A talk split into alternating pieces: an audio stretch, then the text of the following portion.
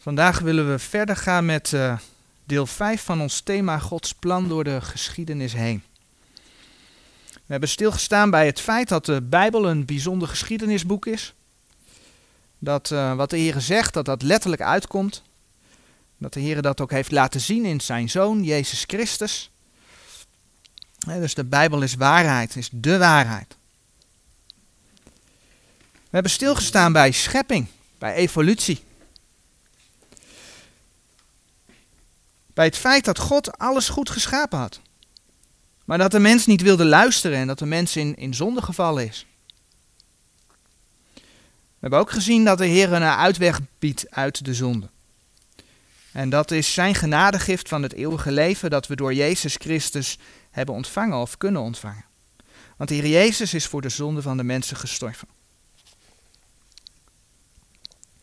We hebben erbij stilgestaan hoe de Heer door middel van de zondvloed ingreep in de geschiedenis. Omdat het gedichtsel der gedachten zijns harten van de mensen alleen nog maar boos was. Het staat in Genesis 6, vers 5. We zagen dat dat ook mee te maken had dat er een vermenging had plaatsgevonden tussen gevallen engelen en mensen. En alleen Noach en zijn gezin werden gered. God sloot met Noach een nieuw verbond. En onderdeel van datgene wat God aan Noach meegaf als opdracht was dat de mens zich moest verspreiden. Dat deed de mens. De mens ging zich niet verspreiden over de aarde. Ze gingen bij elkaar wonen. Ze bouwden een hele grote toren. Ze vertrouwden niet op God, maar ze vertrouwden op hun eigen kunnen. En zo hebben we gezien hoe torens in diverse religies een uiting zijn geworden van de mensen om God te bereiken. Om op te klimmen tot God. Nou ja, God zegt dat wij uit onszelf Hem niet kunnen bereiken. En eigenlijk is dat, hè, die torens bouwen, is eigenlijk, plat gezegd, een lange neus van de mens naar God. Van wij doen het lekker zelf wel. En dat terwijl de Heere voor ons een sterke toren, een schuilplaats wil zijn.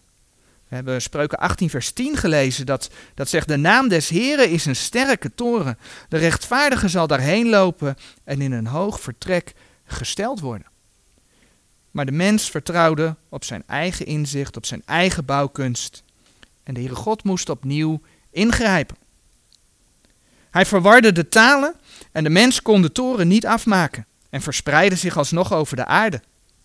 Maar het gevolg van die torenbouw van Babel is wel dat er oorlogen in de wereld zijn, doordat er verschillende volken zijn. Dat er verschillende religies over de aarde zijn gegaan. En dat ja, geeft ook vandaag een sterke nadruk op alles wat er gebeurt. En we hebben gezien hoe de eenwording van Europa hier ook mee te maken heeft. Het heeft alles met elkaar te maken.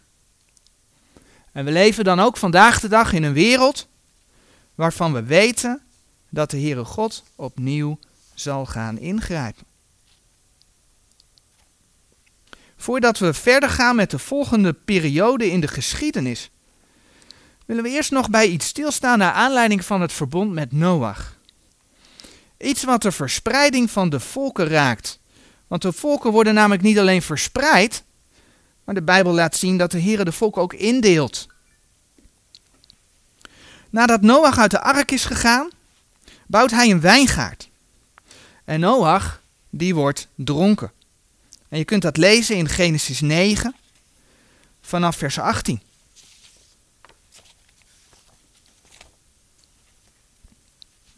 En wanneer Noach bijkomt, sorry, Noach die heeft een wijngaard gebouwd, die is dronken geworden. En zijn zoon Gam, die ziet hem dan naakt terwijl de zonen Sem en Jafet hun vader achterwaarts benaderen. Dat lees je in dat gedeelte uh, in Genesis 19 en die dekken Noach dan toe. En wanneer Noach dan bijkomt en beseft wat er gebeurd is, dan zegt hij het volgende wat er in Genesis 9 vers 25 geschreven staat. En hij zeide, vervloekt zij Kanaan, een knecht der knechten, zij hij zijn broederen. Noach vervloekt het zaad van Gam in de persoon van zijn zoon Canaan. Gam is naar Afrika getrokken. En in Genesis 10, vanaf vers 6 tot en met 20, worden de zonen van Gam besproken. En zo zijn er mensen die hebben uitgezocht hoe de verspreiding van die volken heeft plaatsgevonden. En er zijn hele schema's van. Ik zal een aantal voorbeelden noemen. Zo wordt Egypte bijvoorbeeld in de Bijbel letterlijk het land van Gam genoemd. Dat kun je onder andere vinden in Psalm 105, vers 23 en 27. Mitzraim, een van de zonen van Gam, is voor ons bekend als Egypte. Put, een andere zoon van Gam, is Libië. En zo is Kus is Ethiopië. En Dedan heeft zich verspreid naar de uitlopers van de Arabische Zee. Dus Gam vind je met name hier, maar ook hier. Daar heeft Gam zich naartoe verspreid. Canaan is ons bekend. Zo is Gam ook verantwoordelijk voor de toren van Babel, want Nimrod is een zoon van Kus, een zoon van Gam. En het zijn juist deze mensen die in de tijd, die in de geschiedenis lange tijd als slaaf gediend hebben. En nu moet je niet denken dat ik hiermee de slavernij in al zijn aspecten goedkeur. Maar juist dit gedeelte is door velen gebruikt, in de geschiedenis aangehaald om mensen te misbruiken. En ja, de Heer is duidelijk over hoe heren met hun knechten moeten omgaan. Dat kun je onder andere in Efeze 6 vers 9 en Colossense 4 vers 1, 1 vinden. Dus de manier waarop dat gebeurd is in de, in, in de geschiedenis is vaak onbijbels geweest. Maar de uitspraak van Noach is wel profetisch geweest. Het heeft plaatsgevonden. Het is gebeurd. En uiteindelijk is dat dus een oordeel van God geweest over het feit wat er daar gebeurde. Wat Gam deed daar bij zijn vader Noach. Of beter gezegd, misschien niet deed. En dan lezen we dus in Genesis 9, vers 27 dat er gezegd wordt: En Canaan zei hem een knecht.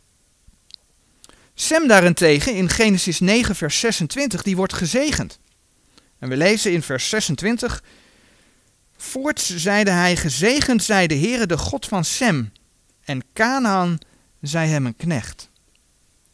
Zoals later blijkt, is Abraham een nakomeling van Sem. Uit Sem zal uiteindelijk de Messias geboren worden. En de Bijbel die spreekt in Genesis 9 vers 26 dan ook over de Heere, de God van Sem. De zonen van Sem worden besproken in Genesis 10 vers 21 tot en met 31. En dan kom je bijvoorbeeld Elam tegen. Elam die wordt gevormd door de Perzen. En die is dus, als je naar de kaart kijkt, daar terechtgekomen. Voor ons, zeg maar, het huidige Iran. Grenzend aan Irak. Assur een van de andere zonen, is de voorouder van de Assyriërs. En die is in, de, in, het huidige Irak zeg maar terechtgekomen. Het noordelijke deel van het gebied van de Uifraat en de Tigris. Zo heb je Aram.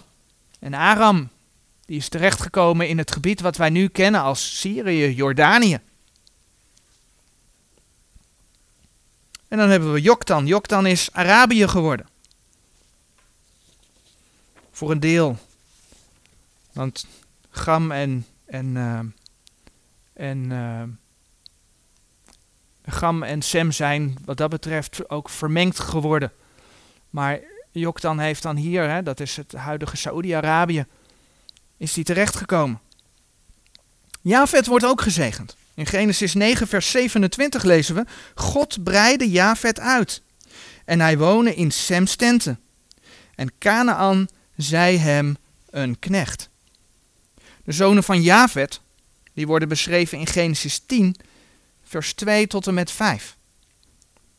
Gomer staat bijvoorbeeld voor Engeland, Magog voor Rusland, Mesech voor Oostenrijk, Zwitserland, Frankrijk en Portugal, Tiras voor Turkije en Javan voor Griekenland. Er staat geschreven, God breidde Javet uit. En hoe is dat gebeurd? Javet is niet alleen in Europa terug te vinden, maar heeft zich via Europa uitgebreid naar Amerika, Australië. Alwaar zij de tenten van de oorspronkelijke bewoners innamen. En zo zien we hoe die volken zich verspreiden over de wereld. Maar dan nog wat over de Semieten. De Arabieren die worden veelal gezien als afstammelingen van Sem. En deels is dat ook zo. Ismaël, vaak gezien als de stamvader van de Arabieren, is volgens de islam de zoon van de belofte. Echter, toen Abraham als nakomeling van Sem, kun je onder andere lezen in Genesis 11, vers 10 tot 27, een bruid voor zijn zoon Isaac zocht. Toen deed hij dat in het land waar hij vandaan kwam. Hij zond zijn knecht naar het land waar hij vandaan kwam en daar moest de bruid voor Isaac vandaan komen. Het mocht geen vrouw uit de Canaanieten zijn. Je onder andere lezen in Genesis 24, vers 3 en 4. De zoon van Isaac, die vluchtte naar het land van zijn moeder. Om daar zijn bruid te zoeken. Genesis 28, vers 1 tot en met 4. Het volk Israël is van Semitische afstamming. En in de wet zegt God diverse malen dat Israël zich niet mocht vermengen met de volken van Canaan, afstamming van Gam. Israël mocht zich daar niet mee vermengen. En als voorbeeld lezen we dat bijvoorbeeld in Exodus 23. Exodus 23. Vanaf vers 31.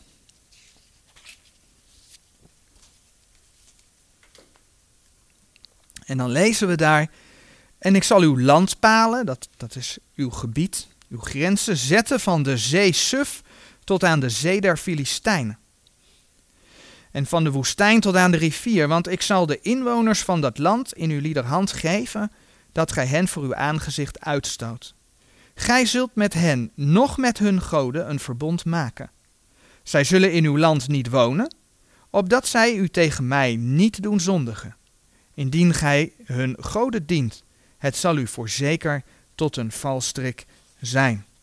En als we doorbladeren naar Deuteronomium 7.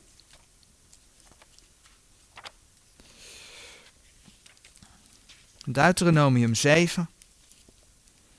Dan lezen we daar vanaf het tweede vers.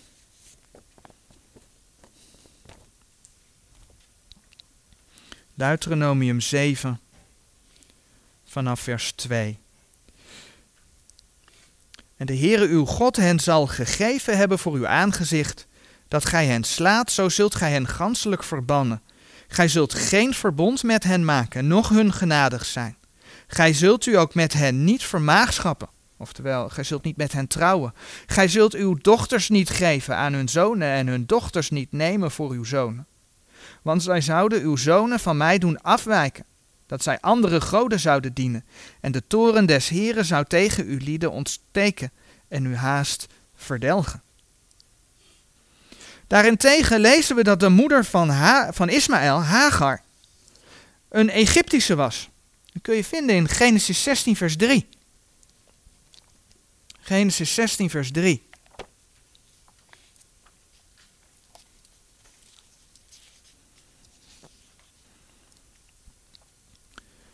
Zo nam Sarai Abrahams huisvrouw de Egyptische Hagar, haar dienstmaagd.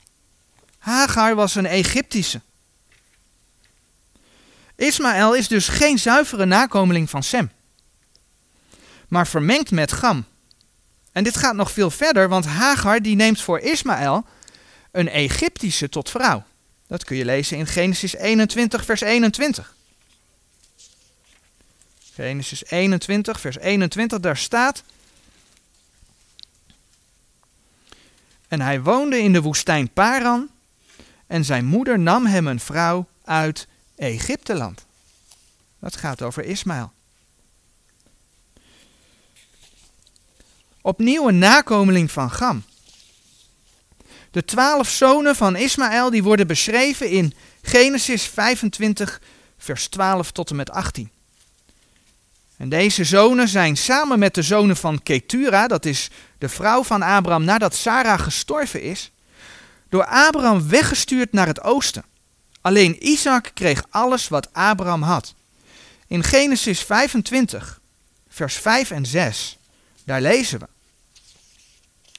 Genesis 25, vers 5 en 6. Doch Abraham gaf Isaac al wat hij had. Maar de zonen der bijwijven die Abraham had, gaf Abraham geschenken en zond hen weg van zijn zoon Isaac, terwijl hij nog leefde oostwaarts naar het land van het oosten. En van de zonen van Ismaël lezen we dan ook in Genesis 25, vers 18. En zij woonden van Havila tot Sur toe, het welk tegenover Egypte is, waar gij gaat naar Assur. Hij heeft zich nedergeslagen voor het aangezicht van al zijn broederen. En nedergeslagen betekent dan dat hij zich daar gevestigd heeft. De nakomelingen van Ismaël verspreiden zich van Sur in de Sinaï tot aan het huidige Jemen, tot aan Assyrië toe. Dan heb je het dus over dat gebied. Zeg maar Saoedi-Arabië. De profeet Mohammed, die beweerde een afstammeling te zijn van Ismaël. Alhoewel deze afstamming niet meer dan tot dertien geslachten voor hem te herleiden is. De afstamming van Mohammed van Ismaël is dan ook geen sinds duidelijk. maar even los daarvan, de stamvader van de Arabieren heeft zich duidelijk vermengd met Gam. degene die, door Noach in eerste instantie, maar het staat in Gods woord, vervloekt is. We zien dat de Arabieren en de Mohammedanen en Gam geen enkel recht hebben op het land Canaan, op het land Israël. De Canaanieten moesten weg en de stamvader van de Arabieren werd door Abraham weggestuurd naar het oosten. En daar zijn ze in de geschiedenis dan ook gevonden. En dat tekent wel de strijd, hè? want men claimt Jeruzalem, men claimt het land Israël. Ja, het is Gods land, het is Gods belofte aan Israël. God zal het gaan geven. Sterker nog, we gaan straks de grenzen bekijken van waar Israël in de toekomst gaat komen. Dat gaat zich nog veel verder uitbreiden. Maar de Arabieren hebben geen enkele recht op dat land Israël. Abraham stuurde Ismaël weg naar het land van het oosten. En dan zijn we eigenlijk al beland bij de volgende gebeurtenis in de geschiedenis, waar we bij willen stilstaan. Na de spraakverwarring roept God namelijk één man die hij tot een groot volk wil maken. Daar hebben we het net al even over gehad. Dat is Abraham. En laten we daar allereerst een gedeelte van lezen in Genesis 12. Genesis 12, de eerste drie versen.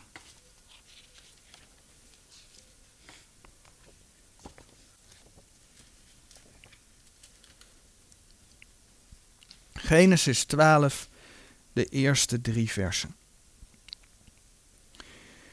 De Heere nu had tot Abraham gezegd, ga gij uit uw land en uit uw maagschap en uit uw vaders huis naar het land dat ik u wijzen zal.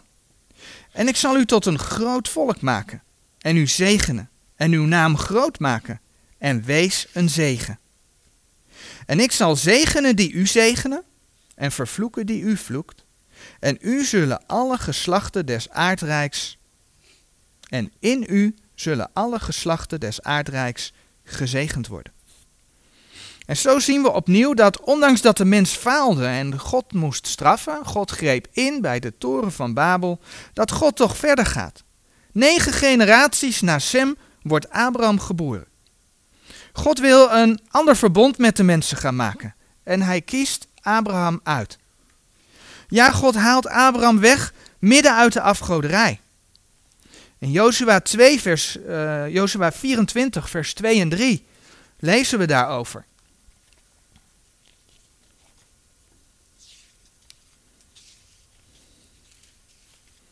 Jozua 24 vers 2 en 3. Waar Jozua een stukje geschiedenis vertelt aan het volk Israël en dan zegt hij toen zeide Jozua tot het ganse volk, alzo zegt de Heere de God Israëls, over gene zijde der rivieren hebben uw vaders van ouds gewoond, namelijk Tera, de vader van Abraham, en de vader van Nahor, en zij hebben andere goden gediend. Toen nam ik uw vader Abraham van gene zijde der rivier en deed hem wandelen door het ganse land Canaan. Ik vermeerderde ook zijn zaad en gaf hem Isaac. Abraham komt midden uit de afgoderij. maar hij luisterde naar de Heere. Want in Genesis 12, vers 4, daar lezen we: En Abraham toog heen. God gaf hem de opdracht en Abraham die ging. En Abraham toog heen, gelijk de Heere tot hem gesproken had. En God, God die sluit een onvoorwaardelijk verbond met Abraham. Dat hebben we net gelezen in, Genesis 12, vers 1 tot en met 3.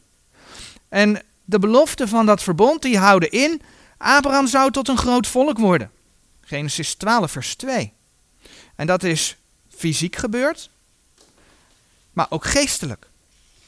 Fysiek door de nakomelingen via Isaac, maar wisten de nakomelingen van Ismaël niet uit.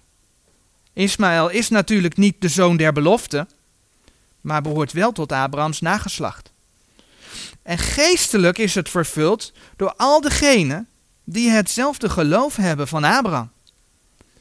In Galaten 3, vers 6 tot en met 9 lezen we daarover.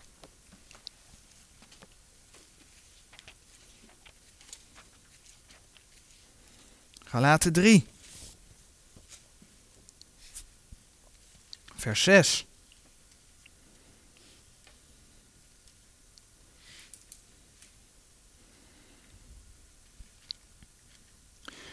Gelijkerwijs Abraham Gode geloofd heeft, en het is hem tot rechtvaardigheid gerekend. Zo verstaat gij dan dat degenen die uit het geloof zijn, Abrahams kinderen zijn. En de schrift tevoren ziende dat God de heidenen uit het geloof zou rechtvaardigen, heeft tevoren aan Abraham het evangelie verkondigd, zeggende, in u zullen al de volken gezegend worden. Zo dan die uit het geloof zijn, worden gezegend met de gelovige Abraham. Het gaat om het geloof in de God van de Bijbel, die zijn zegen doorgaf via Abraham, Isaac en Jacob. En natuurlijk wijst dit al heen naar de Messias, want uit het volk Israël zou de Messias geboren gaan worden. God is de God van Sem. Sem kreeg zonen, daar komt Abraham uit voort. Abraham kreeg zonen, daar komt Israël uit voort. En uit Israël zou de Messias geboren gaan worden. En deze Messias is voor de zonde van alle mensen gestorven. Als we verderop in gelaten 3 kijken, dan lezen we die versen, die hebben we wel vaker gelezen, maar ik lees ze toch nog een keer voor. Want gij zijt alle kinderen Gods, vers 26. Want gij zijt alle kinderen Gods door het geloof in Christus Jezus. Want zoveel als gij in Christus gedoopt zijt, hebt gij Christus aangedaan. Daarin is nog Jood, nog Griek. Daarin is nog dienstbare, nog vrije. Daarin is geen man en vrouw. Want gij allen zijt één in Christus Jezus. En indien gij van Christus zijt, zo zijt gij dan Abrahams zaad. En naar de beloftenis erfgenamen. Abraham is zowel letterlijk als in geestelijk opzicht uitgegroeid tot een groot volk. Abraham werd gezegend. Genesis 12, vers 2. En ook dit is zowel fysiek gebeurd. Zijn volk is groot geworden, als geestelijk gebeurd. Hij werd door God gerechtvaardigd. Genesis 15, vers 6. De naam van Abraham staat er in Genesis 12, vers 2, zal groot gemaakt worden. Tot op de dag van vandaag kennen velen zijn naam en respecteren hem. God zou Abraham tot een zegen voor anderen maken. Genesis 12, vers 2 vinden we ook terug in het derde vers van Genesis 12. In u zullen alle geslachten des aardrijks gezegend worden. En de vervulling daarvan is natuurlijk gelaten 3 vers 16. Is het zaad van Abraham, Jezus Christus. En dan zegt God in vers 3 nog, Genesis 12 vers 3, dat hij zal zegenen die hem zegenen. En dat God zal vervloeken degene die Abraham vloeken. Dat is nogal wat. Nou, alhoewel dit verbond een onvoorwaardelijk verbond is, geldt dit verbond niet voor iedereen op deze aardbol. Deze, dit verbond geldt voor het Hebreeuwse volk door Isaac en Jacob heen. We zagen al dat Abraham alles wat hij had aan Isaac gaf. Dat hadden we in Genesis 25 gelezen. Alhoewel Ismaël dus wel tot de nakomelingen van Abraham hoort, ging de zegen van Abraham op Isaac over. En op een bepaald moment vraagt Abraham de Heere of hij Ismaël wil zegenen. Maar de Heer is heel duidelijk. De zegen zal op Isaac overgaan. En in Genesis 17, daar lezen we dan het volgende. Genesis 17, vers 18 tot 21. En Abraham zeide tot God, och dat Ismaël mocht leven voor uw aangezicht. Eigenlijk vraagt Abraham hier of, of God Ismaël wil zegenen. En God zeide, voorwaar Sarah uw huisvrouw zal u een zoon baren. En gij zult zijn naam noemen Isaac. En ik zal mijn verbond met hem oprichten, tot een eeuwig verbond zijn zaden, voor zijn zaad na hem. En aangaande Ismaël heb ik u verhoord, zie, ik heb hem gezegend en zal hem vruchtbaar maken en hem gans zeer vermenigvuldigen. Twaalf vorsten zal hij gewinnen en ik zal hem tot een groot volk stellen. Maar mijn verbond zal ik met Isaac oprichten, die nu Sarah op deze gezette tijd in het andere jaar baren zal.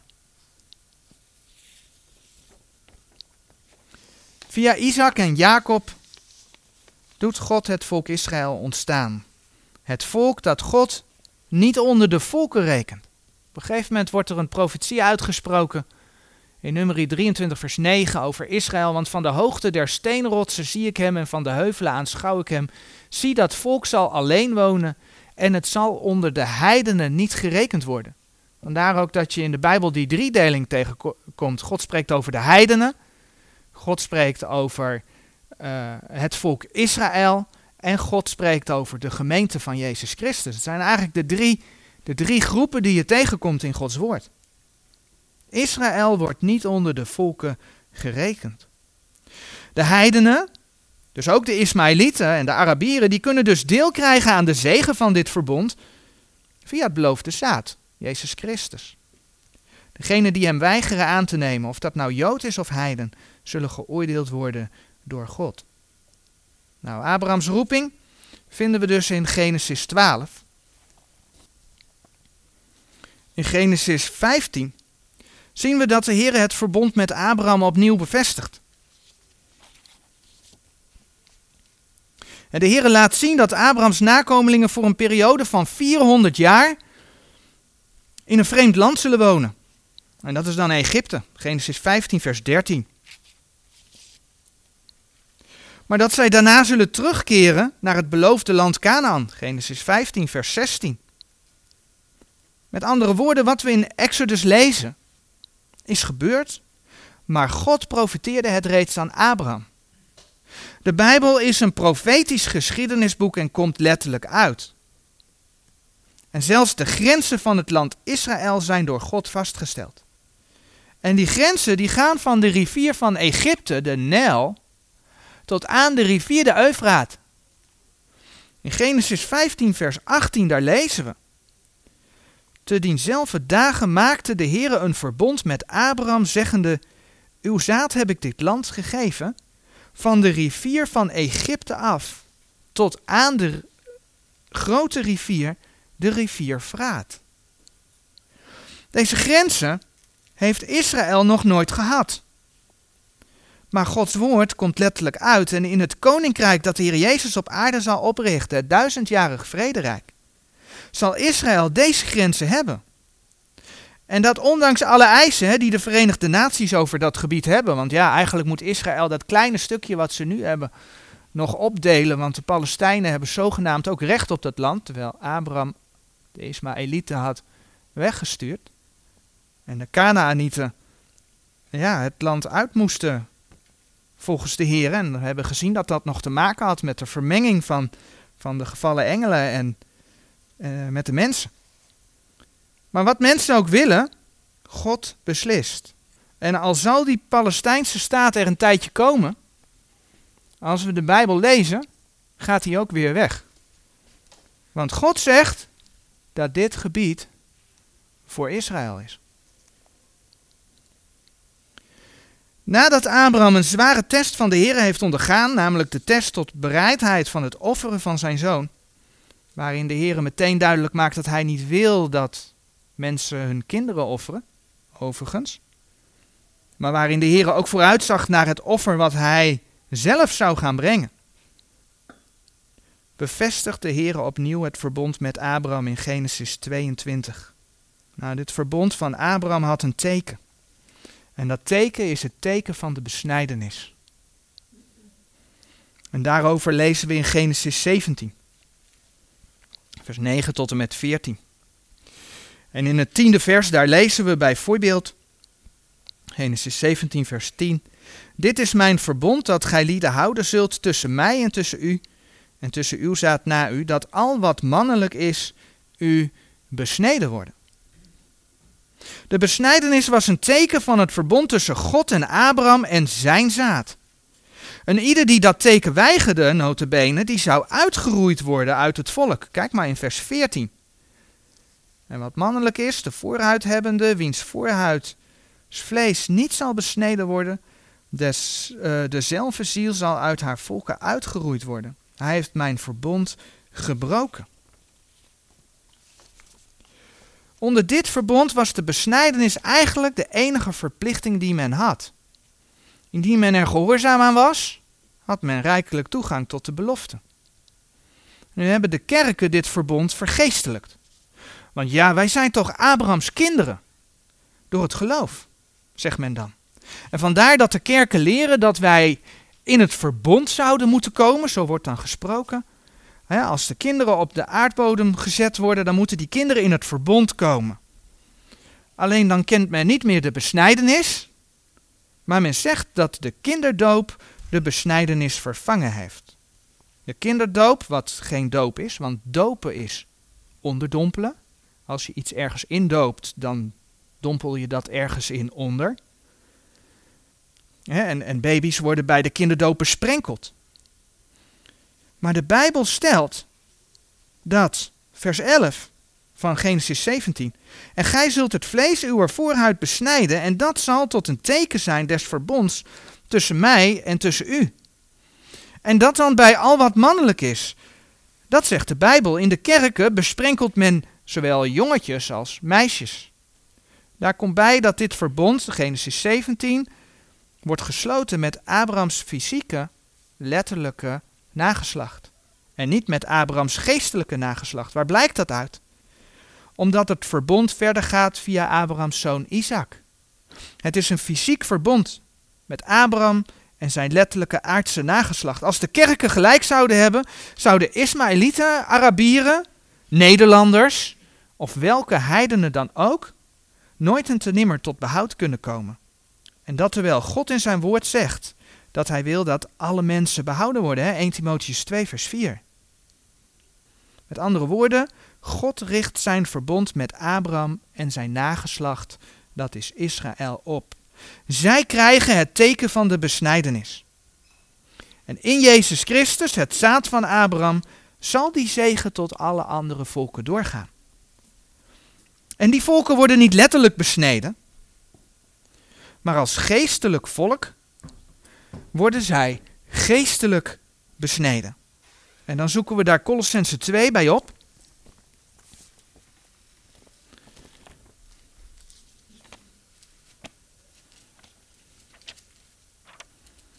Daarmee zien we dus dat de besnijdenis van het Oude Testament vooruitwees naar een andere besnijdenis. Namelijk de besnijdenis die zonder handen geschiet. Colossense 2, vers 11. Daar wordt tegen de gemeente gezegd. In welke, dat is dan de Heer Jezus, gij ook besneden zijt met een besnijdenis die zonder handen geschiet, in de uittrekking van het lichaam der zonde des vleeses, door de besnijdenis van Christus. En dan zegt vers 12 nog, zijnde met hem begraven in de doop, in welke gij ook met hem opgewekt zijt, door het geloof der werking Gods. Het is niet de handeling van iemand die wij ondergaan, maar de werking Gods doordat wij tot geloof komen. En die tot geloof is gekomen, wordt door de Heilige Geest ingedoopt in het lichaam van de Heer Jezus. Een tekst die ik wel vaker aan heb gehaald is 1 Korinthe 12 vers 13. Daar staat gewoon heel duidelijk dat het de Heilige Geest is die mensen indoopt in het lichaam van de Heer Jezus. Daardoor is dat ook een doop die zonder handen geschiet. eh, sorry, een besnijdenis die zonder handen geschiet. Ja, een geestelijke doop, een doop die zonder handen geschiet. Een geestelijke doop. En iedereen die wederom geboren is, die heeft die geestelijke doop ondergaan, want die is deel van het lichaam van Christus. Vandaar ook dat het de werking Gods is. Dat houdt dan in dat de zonden ook in de Heer Jezus vergeven zijn. We hebben ons lichaam der zonde des vleeses, hebben we net gelezen, uitgetrokken. En voor deze mensen die tot geloof zijn gekomen in de Heer Jezus, is het dan vervolgens geoorloofd om zich ook door een waterdoop te laten dopen. Maar daarmee kom je niet tot geloof. En dan kom je dus bij wat Handelingen 8, vers 36 en 37 zeggen. Waar we ook volgende week nog wel bij stil zullen staan zaterdag. Hè? En de kamerling zeide, zie daar water wat verhindert mij gedoopt te worden. En Filippus zeide, indien gij van ganse harte gelooft, zo is het geoorloofd. Maar dan kan dat dus geen kinderdoop zijn. Ik bedoel, kinderen, baby's, baby's kunnen nog niet van ganse harte geloven. Moeten kinderen dan toch besneden worden, is dan de vraag. Nee, want wij zijn geen Israël. Wij zijn niet het letterlijke het fysieke nageslacht van Abraham. En Paulus maakt heel duidelijk dat de besnijdenis een inzetting is die niet voor de gemeente geldt. Als we Galaten opzoeken, Galaten 5, vers 1 en 2, dan laat dat ook geen enkele twijfel bestaan. Want Galaten 5 vers 1 en 2 die zeggen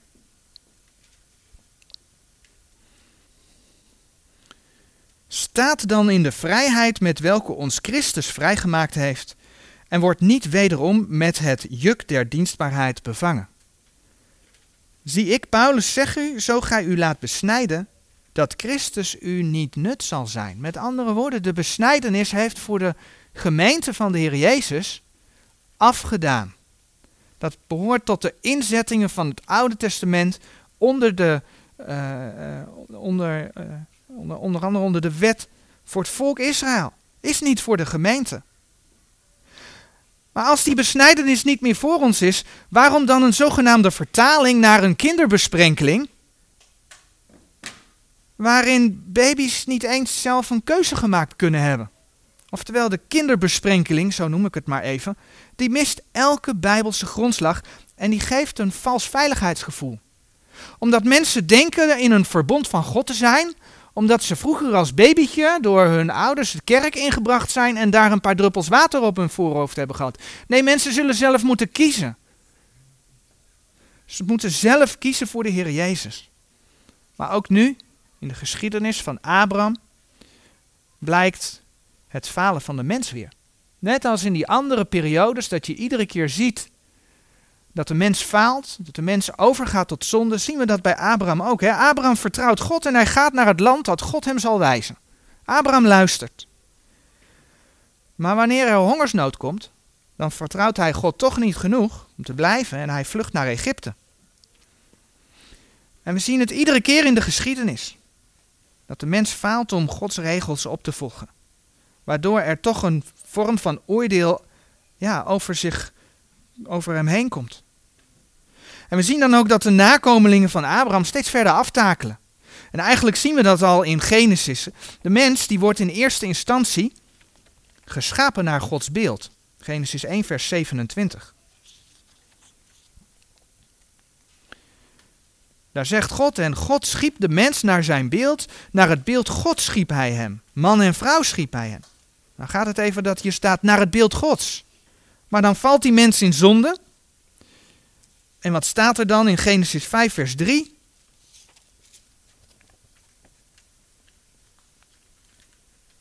En Adam leefde 130 jaar en gewon een zoon naar zijn gelijkenis. Dat is de Adam die in zonde gevallen is. Hè? En Adam won een zoon naar zijn gelijkenis, naar zijn evenbeeld. En noemde zijn naam Seth. Je hoort mensen nog wel eens zeggen dat we allemaal naar Gods beeld geschapen zijn. Dat kunnen we helemaal niet zeggen, want wij zijn naar Adams beeld. Het beeld van de zondige Adam. Daarom moeten we ook opnieuw geboren worden. Na de zondvloed en torenbouw van Babel zien we soortgelijke ontwikkelingen. Abraham vlucht naar Egypte en is bang voor Farao en daarom liegt hij dat zijn vrouw zijn zus is. Genesis 12, vers 13. Isaac die schijnt het liegen ook makkelijk af te gaan. Genesis 26, vers 7. En Jacob die gaat in dezelfde lijn verder. Alleen die bedriegt zijn eigen vader om zelf gezegend te worden. Genesis 27. En zijn zonen die zijn nog een stapje erger in het bedrijven van kwaad. Overspel, moord, ontvoering. Ga maar lezen in Genesis 34, Genesis 37, Genesis 38. En het gevolg van die hele losbandige ontwikkeling in Abrahams nageslacht is dat de Heer hen, het zaad van Abraham, uiteindelijk naar Egypte stuurt. En daar in gevangenschap wordt dat onderdrukt. En ook dan laat de Heer de mensen, in dit geval zijn volk, niet in de steek. Zo'n kleine 430 jaar na de roeping van Abraham komen we dan bij de Exodus uit Egypte. God verlost zijn volk. Waarmee ook een nieuwe periode in de geschiedenis begint, want Israël die gaat de wet krijgen. En de volgende Bijbelstudie zullen we daar dan mee verder gaan. Tot zover.